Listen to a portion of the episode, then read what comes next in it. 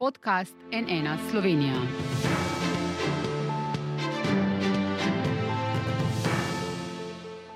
Dobr dan, to je NN studio. Pred vrati je prva letošnja interpelacija v vladi Roberta Goloba. Potem, ko je vlada na svoji zadnji seji združila Muzej slovenske osamosvojitve in Muzej novejše zgodovine Slovenije v nov javni zavod, je opozicijska NSI uresničila napoved in začela pripravljati interpelacijo ministrice za kulturo Aste Vrečko.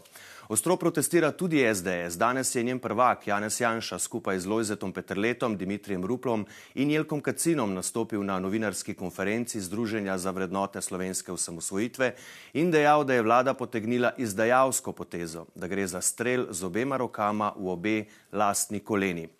V našem studiu sta, daj, sta zdaj Matej Ščelik Vidmar, državni sekretar na Ministrstvu za kulturo. Dobr dan, dobrodošli. In Jelko Kacin, minister v osamosvojitveni vladi, dober dan, dobrodošli. Dobar dan. Če začneva midva, gospod državni sekretar, na vladi pravite, da ste s to združitvijo sledili številnim pozivom strokovne javnosti in veteranskih društev in da muzeja ne ukinjate. Ampak muzeja s tem imenom zdaj ne bo več, to je dejstvo. V primeru interpelacije pravite, da boste svoje argumente vnovič pojasnili. Kateri so torej strokovni argumenti, zakaj muzeja slovenske osamosvojitve ne potrebujemo? Um, muzeja združujemo uh, v večjo institucijo, v institucijo, ki bo imela več kapacitet, da se bo resneje in bolj strokovno ukvarjala uh, z pomembno zgodovinsko temo, kot osamosvojitev je. Uh, slovenski muzeji so pred velikimi izzivi. Uh, imamo 56 muzejev, ki se financirajo iz državnega proračuna, 14 državnih, zdaj jih bo 13 in še 42 občinskih pooblaščenih muzejev. Veliko njih se ukvarja s temami osamosvojitev in tudi razpolagajo z zbirkami na to temo, lokalnimi in nacionalnimi. Ampak danes je vprašanje, kako pravzaprav muzeje opolnomočiti infrastrukturno, vlagati v prostore, v katere se 30 let ni vlagalo, vlagati v njihove programe, ki se spreminjajo in jih je treba povezati z digitalno preobrazbo. Se pravi, treba je povezati digitalne vsebine, ki jih je v muzejih veliko na razpolago, z klasičnimi muzejskimi vsebinami. In potrebno je delati na izobraževanju muzejskih kadrov za nova znanja in za predvsem vodstvene izzive, ki so jim muzeji zaradi velikih družbenih sprememb zelo izpostavljeni. Ampak ta projekt, se upravičujem, ta projekt prenove ste pa začeli ravno pri muzeju, za katerega bi lahko rekli, da je najbolj občutljiva točka. Gre za tako pomembno stvar osamosvojitev Republike Slovenije in vi ste se odločili, da boste prav tu s to potezo začeli ta proces, bom rekel, neke prenove, reorganizacije muzejstva v, v Sloveniji, če, če tako rečem. Morda tako zgleda na vzven, ker je ta, uh, to dejanje uh, sprožilo tako buren odziv, ampak v resnici se lotevamo muzej kot, celoto, kot celote.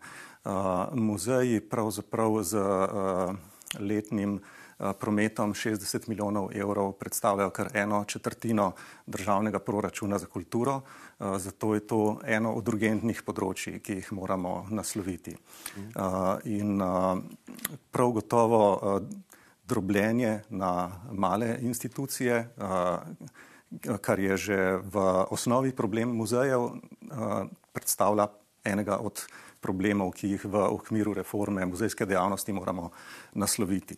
In ustanavljanje novih muzejev brez kakršnih koli strokovnih podlag ali razlogov temu prav gotovo ni uprit. Gospod Kacin, muzej osamosvojitve nikoli ni zares zaživel, formalno obstaja zadnji dve leti, ustanovila ga je prejšnja vlada Jane Zajanša. Zakaj menite, da gre za načrtni udarec vlade po osamosvojitvi, to je bilo v sporočilu Združenja za vrednote slovenske osamosvojitve, za zgodovinsko napako?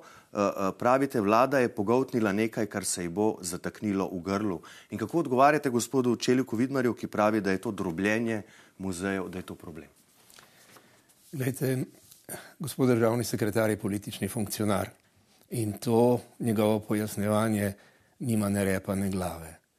Eh, zgodil se je politični škandal, gre za politično odločitev. Jaz sem uporabil danes termin, da bo od danes naprej na mesto službe za digitalizacijo bo nastalo novo ministrstvo In prva stvar, ki jo je ta vlada storila, je, da je pritisnila na tipko delete. In to zdaj ne gre samo za levico, za vašo stranko, gre za vlado. Tri leve stranke so se vse hkrati odločile in trikrat so izbrisale muzej osamosvojitve. To je najsvetlejše obdobje eh, v novejši zgodovini. Eh, generacije, ki so doživele drugo svetovno vojno, so pravzaprav odšle, zdaj res samo še zgodovinari lahko govorijo o tem. Ampak, ko gre za osamosvajanje, pa imamo zdaj generacije, ki so šle skozi naš izobraževalni sistem, eh, ki so na univerzah, pa še vedno nič ne vedo, ne o osamosvajanju, ne o sami osamosvojitvi. To osamosvajanje se je zgodilo predvsem zaradi demokratizacije, zaradi prvih demokratičnih volitev ki so bile mogoče zato, ker se je v ljudeh nabralo dovolj poguma in odločnosti, da se z krizo prejšnje Jugoslavije, z umiranjem na obroke, ki se je vleklo skozi 80 leta, obračuna. In rezultat tega je pravzaprav prva demokratična vlada. Naj samo spomnim, to je bila Demosova vlada. Jaz nisem nikoli bil član nobene Demosove stranke, jaz sem prišel kot član uh, tedanje ZSMS in takrat sem bil namestnik obramnega ministra. In od prenoviteljev je bila Jožica Puhar, pa je bil od ZSMS še Zoran Taler. Skratka, ta uh, Demosova vlada je bila nadstrankarska, je šla tudi v opozicijo. Dogovor o plebiscitu je bil skupen dogovor. Zato smo tudi del političnega telesa, ki do prvih demokratičnih sprememb pravzaprav ni mogel aktivno participirati v slovenskem političnem prostoru, povabili na referendum in zato smo imeli tak odziv in zato smo imeli tudi tak rezultat. Izjemen rezultat. Gospod Čelik Vidmar, kako odgovarjate na to, pravi gospod Kacin, vlada, vse tri stranke v vladi so pritisnile na tipko deliti, izbriši? Um, no, Tudi sam sem leta 1991 nosil uniformo teritorijalne obrambe in uh, tvegal svoje življenje za Slovenijo. In, uh, prav gotovo je osamosvojitev eden od najsvetlejših, pravzaprav najsvetlejši trenutek v slovenski zgodovini. In uh, strinjam se uh, in mislim, da naše aktivnosti gredo v tej smeri, da se ta trenutek primerno obeleži in uh, da se mu uh, postavi primerno mesto v slovenskih muzejih. In mislim, da smo se uh, osamosvajali in uh, tako rekoč borili za to, kar smo se borili tudi za to, da bi dosegli uh, boljše življenje in boljše storitve za državljane, tudi na področju kulture, tudi na področju muzejev, če govorimo o tem primeru. Vsi se še spominjamo in prav gotovo je to tudi eden od razlogov, da smo odšli iz nekdanje skupne države, da, smo, eh, da je pravzaprav takratna politična elita bila nesposobna soočiti se z realnimi družbenimi in političnimi problemi in se je pogosto skrivala tudi za nekakšnimi muzejskimi projekti. Vsi se še dobro spominjamo spomenikov, spominskih domov in raznih memorialnih centrov, ki so pravzaprav bili prazni, lažni projekti, za katerimi so se takratne elite skrivale, ker se niso bile so, so pripravljene soočiti z resničnimi problemi. In tudi danes imamo tukaj resnične probleme, resnične družbene in politične probleme in tudi resnične probleme, s katerimi se sooča recimo sektor muzejev v Sloveniji in uh, želimo jih strokovno in relevantno nasloviti. Uh, in v tem pogledu je tudi muzej osamosvojitve en impresiven projekt z lepim imenom, ampak pravzaprav zadaj za njim ničesar ni. To je prazen, uh, lažen projekt, brez prostorov, brez zbirke, uh, s komaj nekaj zaposlenimi, uh, ki, se, ki pravzaprav nimajo, niso opolnomočeni, da bi se lahko s tako pomembno temo, kot je osamosvojitev, uh, resno spopadli, jo raziskali in predstavili. In takih majhnih muzejev imamo v Sloveniji preveč. In a, a, zato je potrebno pogledati širšo sliko in se tega problema lotiti celovito. Prazen, lažen projekt, gospod Kacin. Jaz ne vem. No. Jaz ne vem, če ste dobro premislili to, kar ste zdaj rekel, ampak uh, veste, to zdaj ni uh, streljanje v lastno koleno, vi rafalno tovčete po svojih kolenih. Lepo vas prosim. Imate muzej, novejše zgodovine v celju, imate muzej NOB v Mariboru, a so to prazni projekti, a so to nepotrebni projekti. Nobenega muzeja osamosvojitve ni. Ta je bil prvi, edini, najboljši. Vi pravite, da je bil tako slab, da si ne zasluži, da bi obstajal. Če vam je bilo kaj narobe pri kadrovski zasedbi, bi ga lahko ukrepili. Če bi radi zamenjali vodstvo, ga lahko zamenjate, to lahko vsaka vlada naredi. Ne, ampak vi ste se odločili, da politično eliminirate. In bom ponovil to, kar sem uh, malo prej govoril na uh, naši skupni novinarski konferenci. V 90-ih letih sem bil jaz del vladajoče koalicije. Prvi predsednik prve slovenske vlade Peter Lej bil pa v opoziciji. Ampak takrat smo se odločili na poti v Evropsko unijo, da je to skupen projekt. Jaz sem bil predsednik zunanje političnega odbora, Lojze Peterle je bil predsednik Komisije za evropske zadeve. Vsako pogajalsko izhodišče, preden je šel naš pogajalec uh, Potočnik v Bruselj, sta najprej obravnavala oba organa, oba parlamentarna organa. V istem času, na istem mestu. Jaz sem bil član eh, Komisije za evropske zadeve, Lojze Peterle je bil član odbora za zunanjo politiko in hkrati smo glasovali. Z roko v roki, koalicija in opozicija. Tukaj pa se je koalicija, leva koalicija, levo, levo, leva koalicija pač odločila, da bo ta muzej ukinila in ga je izbrisala. To je zdaj slovenski termin. Dovolili ste si izbris. Kakšne težave smo mi imeli zaradi enega drugega izbrisa prejšnjih vlad, se lahko spomnite. Ampak prej je bilo vprašanje interpelacija. Ne? Ne vem, kakšen smisel ima interpelacija. Te gospe ministrice ni več, zdaj gre za vlado, kot je rekel Pučnik. Jugoslavije ni več, za Slovenijo gre. In če boste še eno kakšno tako izjavo pač tukaj dal, jaz prosim, mediji so igrali pomembno vlogo v času našega osamosvajanja. In tudi zdaj bojo zaradi takih nastopov mediji igrali izjemno pomembno vlogo pri odpiranju uh, oči ljudem, da bi vendarle razumeli, zakaj pravzaprav gre. Gre za, gledajte, še eno primerjavo bom dal. Marcel Štefančič mlajši, junior, je pred uh, eh, RTV Slovenija izrekel tisto svojo krilatico, ki se konča na koncu. Samo enih par jih je, ne? nas je več. In točno tako se obnaša zdaj vlada. Obnaša se v afektu, dela neumnosti, dela v lastno škodo, dela v škodo Slovenije. Osamosvojitev si tega ne zasluži. Gospod Čelik Vidmar, osamosvojitev si tega ne zasluži, pravi gospod Kacin. Naj še enkrat ponovim, da vlada ničesar ni ukinila, da je vlada združila dva javna zavoda v večji javni zavod.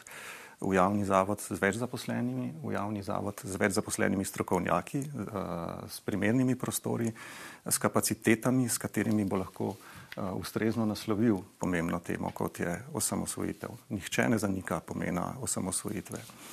Ampak naj obenem tudi ponovim, da je kulturni sistem kompleksen in da 30 let ni bil reformiran in da so muzeji ena četrtina tega kulturnega sistema in da uh, jih je potrebno uh, njihove izzive uh, prihodnje resno nasloviti. Uh, in uh, odpiranje uh, muzejev kar tako uh, enostavno temu ni v prid. Kako odpirate muzejev kar tako? Je vsem res, kar tako nekaj, tam nekaj ali kako? Glejte, vam bom rekel nekaj drugega. Ne govorimo o samosvojitvi, govorimo o muzejski dejavnosti. Govorimo o dejavnosti, ali kjer, še kjer deluje šesti, šesti... Ste še kakšen muzej izbrisali? Ne, ampak tudi nobenega muzeja ne? nismo ustanovili, ker se, ker ta, ker se reforme uh, resno lotevamo. Ker, Glede, uh, im... Zdaj vas bom prekinil in vam bom uporabil uh, argumente, ki jih vi uporabljate. Vi ste reorganizirali vlado ali ste kakšne resorje združili? Ne, vi ste jih razdružili. Nekatere Rašir... stvari so se tudi združile, gospod Kacin, če dovolite, bom kar jaz uh, naprej tole zgodbo peljal. Takole je zapisalo Združenje uh, VSO. Če se vlada do 10. februarja ne bo odpovedala odločitvi o ukinitvi samostojnega muzeja slovenske osamosvojitve, bo združenje začelo izvajati akcijski načrt o obrambo osamosvojitvi Slovenije in njenih vrednot. Kaj konkretno pomeni ta napoved, gospod Kacin? To morate vprašati predsednika, jaz nisem član združenja. Ste pa danes nastopili na novinarski konferenci ja. in predstavljali stališča tega združenja VSO. Ne, vsak od nas je predstavil svoje stališče. V napovedi tiskovne konference je bilo stališča eh, združenja VSO bodo predstavili Janez Janša, Jelko Kacin, Dimitri Rupel in gospod Alois Petrlek. Jaz svojih stališč nisem z nikomer usklajeval tudi nastopa nismo pred nastopom usklajevali, jaz za svojimi stališči stojim. In mislim, da je veliko ljudi v tej državi, ki za temi stoli, staj, stališči stoji. Ne vem, kaj vam je tega treba bilo, vi že veste, ampak to je približno tako kot z nastopi predsednice državnega zbora. Z vsakim pojasnilom, z vsakim demantirom boste globlje tonili in na koncu se ne boste mogli izmotati iz tega zapredka, ki ga sami ustvarjate.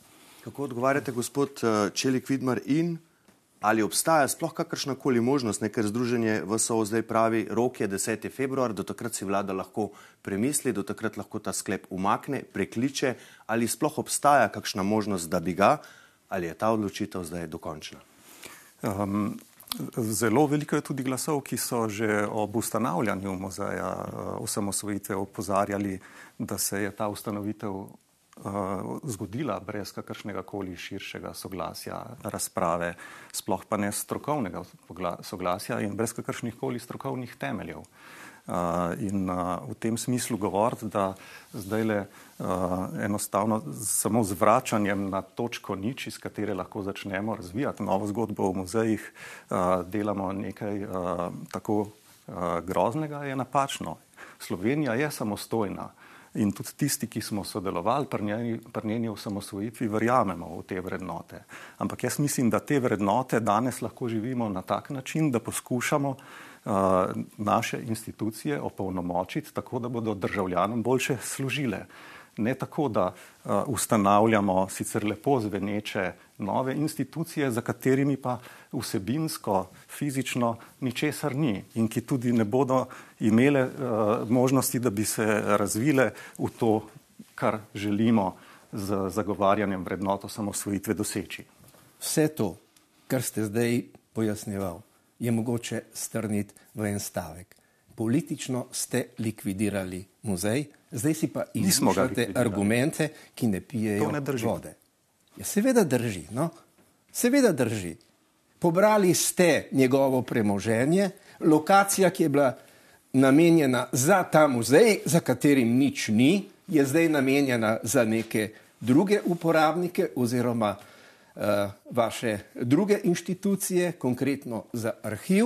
In lepo vas prosim, ne morete takih laži govoriti odkrito tukaj pred javnostjo. No, mislim, muzej ni imel premoženja. Muzej je imel zgolj najete prostore in uh, muzej je bil urinjen v projekt državnega arhiva, uh, ki se je že več desetletij razvijal in uh, je bil. In zato ste ga likvidirali. In je bil narejen zato, ker je državni arhiv že več desetletij bil brez potrebnih prostorov za shranjevanje tudi potrebne dokumentacije v zvezi z osamosvojitvijo.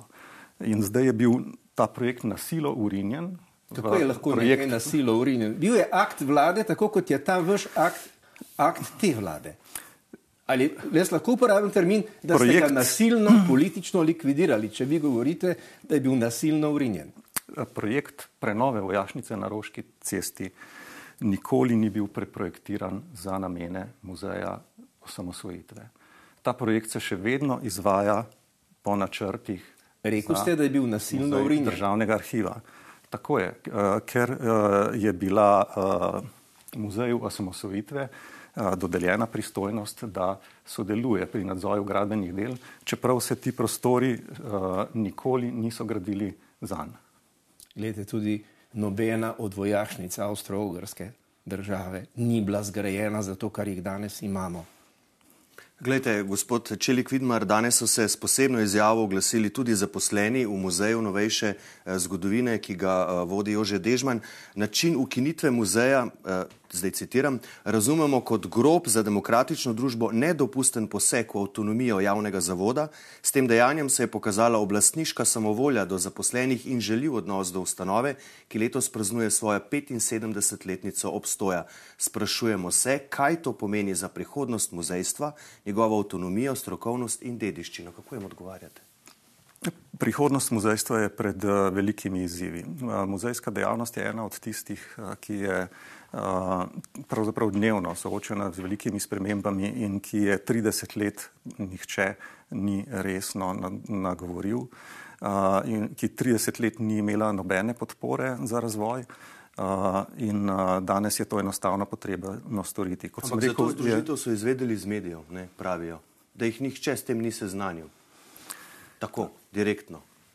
Uh, na kakšen način so izvedeli za to združitev, sam ne vem. Uh, Uh, ampak uh, dejstvo je, da se bodo na muzejskem področju še dogajale spremembe in da to ne bo edina. Mm. Če lahko morda še eno vprašanje tu, gospod državni sekretar, kako pa bo zdaj osamosvojitev Slovenije predstavljena v tem novem združenem muzeju? Kako boste zagotovili, da bo dobila svojo, svoje mesto in primerno pozornost?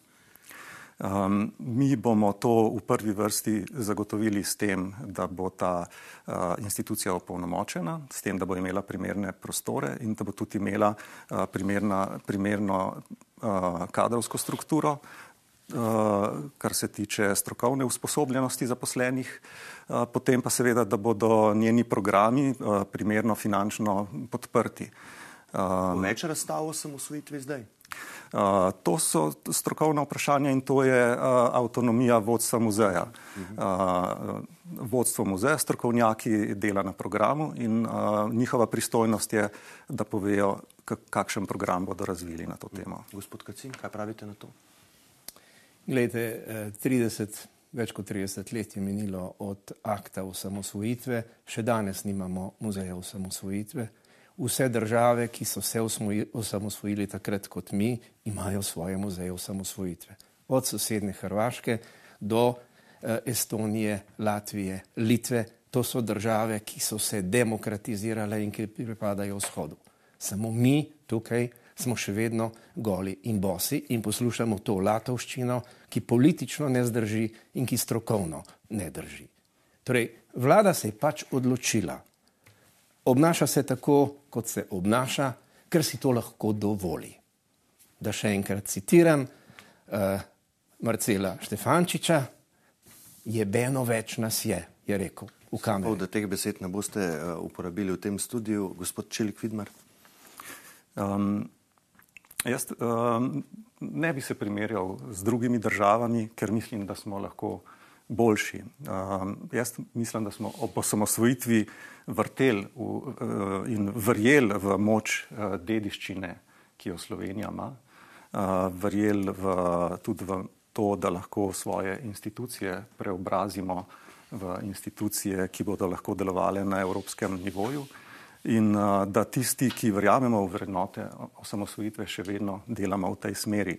In zaradi tega ne potrebujemo institucij, ki bi se nominalno imenovale po osamosvojitvi. Mislim, da imamo dovolj zahtevnih nalog in izzivov na različnih področjih, da pokažemo, da v osamosvojitev in njene vrednote verjamemo. Ja, zato nas seveda prehitevajo gospodarsko po levi in desni tisti, ki so se osamosvojili skupaj z nami. Torej, mi niti svoje samo podobe, ne znamo spoštovati, jo ne znamo negovati, ne znamo tega prenašati na nove generacije in to je ta nova politika. To je ta nova samopodoba. Torej, jaz sem se odločil v poznih 80-ih letih, da socializem ne more biti več prihodnost. Smo ga prakticirali predolgo. Ampak zdaj ja. poslušamo stvari, ki se jim reče politično čiščenje. To je politična likvidacija, ponavljam. In vsak politični likvidator bo odgovarjal pred zgodovino. Jaz mislim, da boste zato morali pač prevzeti odgovornost že zdaj, v sedanjosti. Ne bo treba čakati na zgodovino. Torej, vaša odločitev je napačna, je neprimerna, je nespodobna, je, potlič, je politično nekorektna in ne vem, kaj vam je treba načenjati to koalicijo in to vlado in izpodkovavati legitimnost tudi na tem uh, področju, kjer smo bili vedno vendarle vsi na isti strani. Zdaj pa pač mislite, da temu ni tako. V letih po letu 1945 smo imeli ogromno muzejev, še vsi so živi, nobenega niste politično likvidirali, še vedno poslušamo vse dogme o preteklosti, še vedno pa recimo tukaj v Ljubljani ne moremo pokopati tistih nesrečnih romskih otrok tamle iz Iga, pri vseh teh muzejih, ki jih imamo, ki se ukvarjajo z obdobjem narodno-osvobodilnega boja. To je sicer vprašanje za ljubljanskega župana Zorana Jankoviča. Ja, seveda, prvenstveno. ampak je vprašanje Da. naše kulture, na odnosa in pietete. Gospod Čelik, vidimo, če še odgovorite in potem No, zaključimo. mislim, da debata v tej smeri, kot jo je zapeljal gospod Kacin, nima nobenega smisla. Uh, likvidacija, to so zelo težke besede. Uh, jaz sem tudi precej manjši, mlajši od vas. Uh, vi ste uh, v tem času zasedali mnogo pomembnih funkcij, na katerih bi lahko poskrbeli, da bi uh, Slovenija bila ali pa primerljiva z državami, s katerimi ste nas zdaj primerjali. primerjali. Uh, jaz še vedno mislim, da uh, je vrednote osamosvojitve treba živeti tako, da kvalitetno delaš uh, na svojem področju in da državljanom poskušaš zagotoviti boljše storitve. Uh, in uh, z uh, uh, ustanavljanjem uh, projektov, ki so slabo premišljeni, uh, ki so dejansko politični uh, projekti, za katerimi nič ni, uh, temu ne bo tako. No, jaz eh, se upravičujem in seveda bom prevzel en del krivde na se. Uh, prepozno, predolgo smo čakali z ustanovitvijo muzeja osamosvojitve. In to je seveda greh vseh vlad, od osamosvojitve naprej in vseh predsednikov držav do tega trenutka. To je domača naloga, ki je nismo opravili v nobenem mandatu. Zaradi tega imamo pač mlade generacije, ki s tem obdobjem in vlogo in pomenom eh, osamosvojitve preprosto niso seznanjeni, ne morejo živeti teh vrednot, ker za nje ne vedo, z njimi v kurikulumu niso bili seznanjeni, pa tudi nimamo mesta, kjer bi se lahko s tem soočili in ta izpad na nek način nadoknadili. Ampak kako vi Jaz sem- veste, da v šolah o tem ne učijo? Gospod Kacin, to je neka mantra, ki se ponavlja, da se otrok v šoli ne poučuje, da je to na koncu učbenika in da potem na koncu šolskega To leta zmanjka časa, od, ampak to se vse čas ponavlja in se nekako zdi, kot da je res tako. Jaz se spomnim, je že kar nekaj časa, ni pa tako zelo dolgo nazaj, mi smo se učili o tem. No, jaz vam lahko povem mojo osebno izkušnjo. Uh, moja družina se je razširila v mlajši generaciji, da sem pridobil nekaj novih sorodnikov, uh, mlajših. In nedavno je bil pri meni eden od teh, star je dobrih 20 let, in me prosil, naj mu kaj razložim, ker mu nič od tega ni bilo znano. In karkoli sem povedal, je bilo za nekaj popolnoma novega. Enostavno tega mlade generacije niso ponotranjile, ker ne morejo, nimajo. To je nerealno od njih pričakovati, to je zamuda. To zdaj ne gre za vaš Ja. muzej, ne gre za uh, Ministrstvo za kulturo. Govorim o kurikulumu, ki gre v Ministrstvo za izobraževanje, ampak to so inštitucije, ki se medsebojno dopolnjujejo in kjer je edino mogoče dobiti sinergijske učinke. In samo s temi uh, sinergijskimi učinki lahko ta izpad informacij pri teh generacijah nadoknadimo in stvari popravimo. Vlada sicer napoveduje leto reform, tudi spremembo verjetno na področju šolstva, tudi tu so pričakovanja kar velika. Bomo videli, kaj bodo uh, storili konkretno na področju izobraževanja o najpomembnejšem obdobju Slovenije do zdaj, torej o osamosvojitvi. Za danes pa spoštovana gosta, gospod Jelko Kacin, gospod Matevš Čelik Vidmar, najlepša hvala, da ste bila gosta NN Slovenija. Hvala, Hvala lepa. Hvala. Hvala pa tudi vam za vašo pozornost. Seveda vse naše oddaje NN studio najdete na naši spletni strani in seveda tudi na portalu YouTube. Iz studija pa le še lepo zdrav in nasvidenje. thank you